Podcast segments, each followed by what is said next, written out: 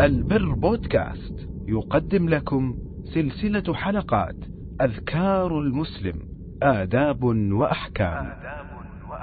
تقديم فضيلة الشيخ محمد خليفة البوسعيدي حفظه الله. السلام عليكم ورحمة الله تعالى وبركاته وبعد. ذكر الله تعالى كله فاضل لكنه ليس على درجة واحدة في الأفضلية. بل قد يكون بعض الذكر محرما في بعض الأحوال أو الأمكنة. فما أنواع الذكر؟ وما أفضلها؟ وما ضابط تفضيل هذا الذكر على ذاك؟ هذا موضوع حلقتنا هذه. أما أفضل أنواع الذكر فهو القرآن الكريم كلام رب العالمين وذلك بإجماع العلماء.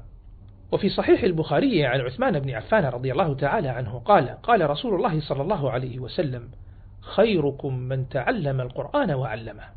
وفي الصحيحين عن عائشة رضي الله عنها أن رسول الله صلى الله عليه وسلم قال الماهر بالقرآن مع السفرة الكرام البررة والذي يقرأ القرآن ويتتبع فيه وهو عليه شاق له أجران. وهذا أجر عظيم ومنزلة رفيعة. فالكرام البررة هم الملائكة فالذي يقرأ القرآن وهو ماهر به طبعا مع القيام بأوامره. يكون في درجة الملائكة. أما الذي يقرأه وهو عليه شاق يعني ليس ماهرا به لكنه يتعلمه ويجاهد نفسه فيه يكون له أجران. ثم بعد القرآن في المنزلة الذكر الذي فيه ثناء على الله تعالى. هذا يأتي في المنزلة الثانية من الأذكار كقولك الحمد لله ولا إله إلا الله وسبحان الله والله أكبر. ثم يأتي بعد ذلك في المنزلة الثالثة الدعاء وهو أن يطلب الإنسان حاجته من الله تعالى. رب أعطني كذا أو اصرف عني كذا من خيري الدنيا والآخرة. هذه عبادة لك فيها أجر وهي من أنواع الذكر لكنها بالمنزلة الثالثة. وأفضل الدعاء ما كان لحاجة الآخرة. كقولك اهدنا الصراط المستقيم. مع أن الدعاء لحاجة الدنيا عبادة أيضا. كالدعاء بشفاء المرض أو زيادة مال ونحو ذلك. فأفضل الذكر بعد القرآن هو الذكر الذي فيه ثناء على الله تعالى. ولذلك تجد الآيات والسور التي جاءت أصالة لتعظيم الله تعالى لها فضائل أعظم من التي لم تأتي أصالة لذلك.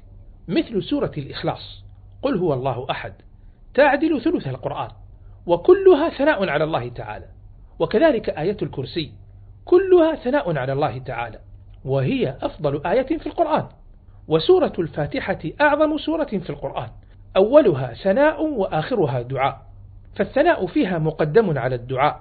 فالثناء غاية والدعاء وسيلة. والغاية أعلى من الوسيلة.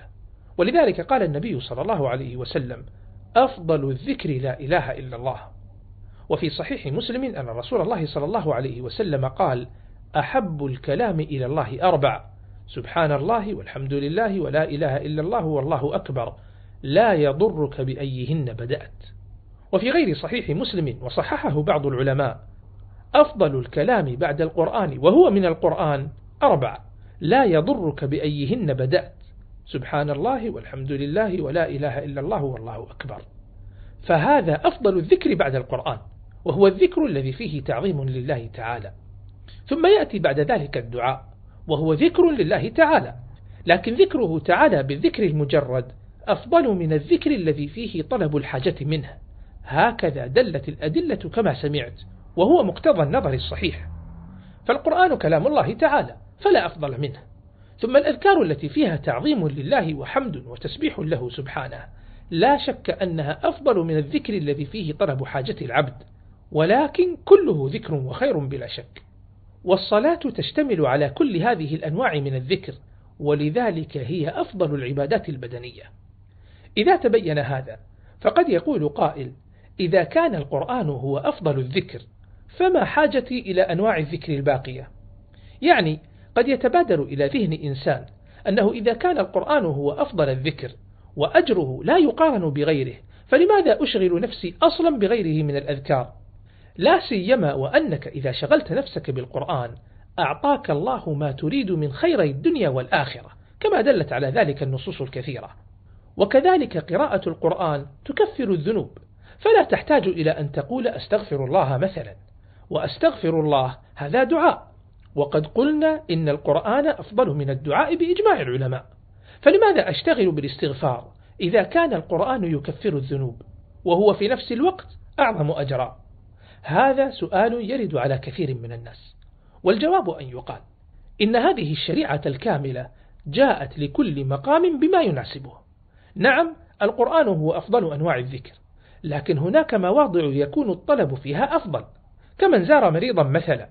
نعم يقرأ عليه القرآن للرقية لكن أيضا يستحب له أن يدعو الله له بصريح العبارة حتى يكون ذلك أقرب لنيل طلبه.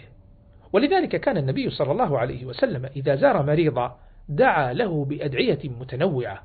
اللهم رب الناس مذهب الباس اشف أنت الشافي لا شافي إلا أنت شفاء لا يغادر سقما.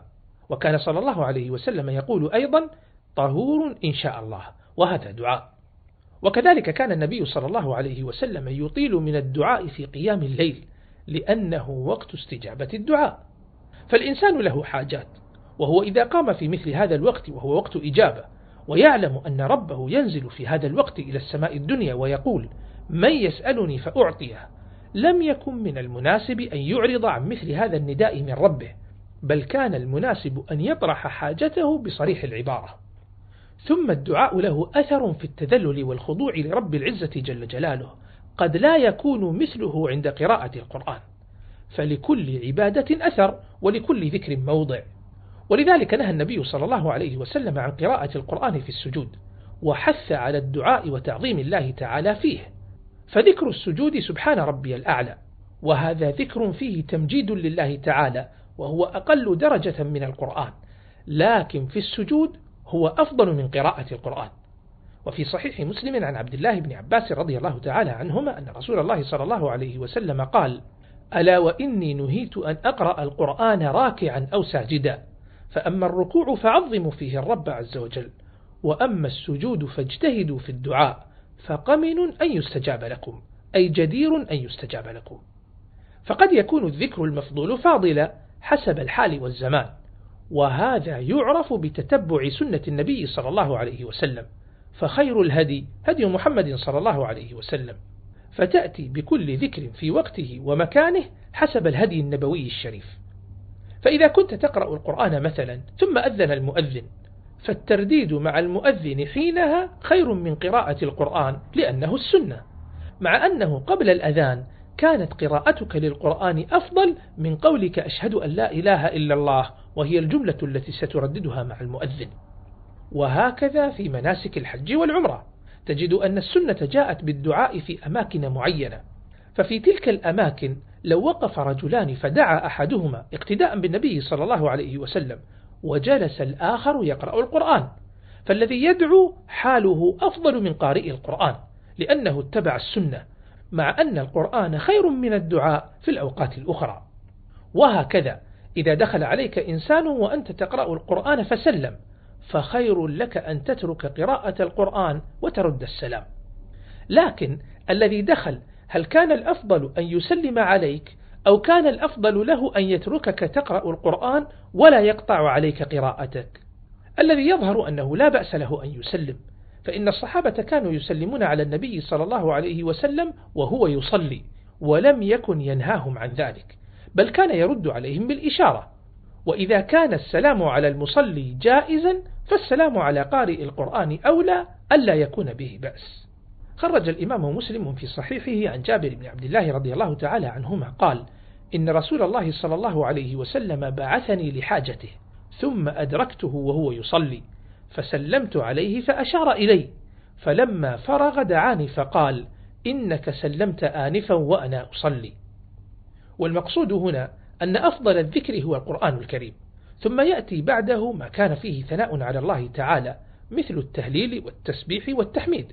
ثم بعد ذلك الدعاء. هذا فيما إذا تساوت الأحوال. لكن قد يقتضي حالك أن تقدم ذكرا على آخر كما سبق بيانه من الأمثلة. والله تعالى أعلم. صلى الله على محمد وآله وصحبه وسلم.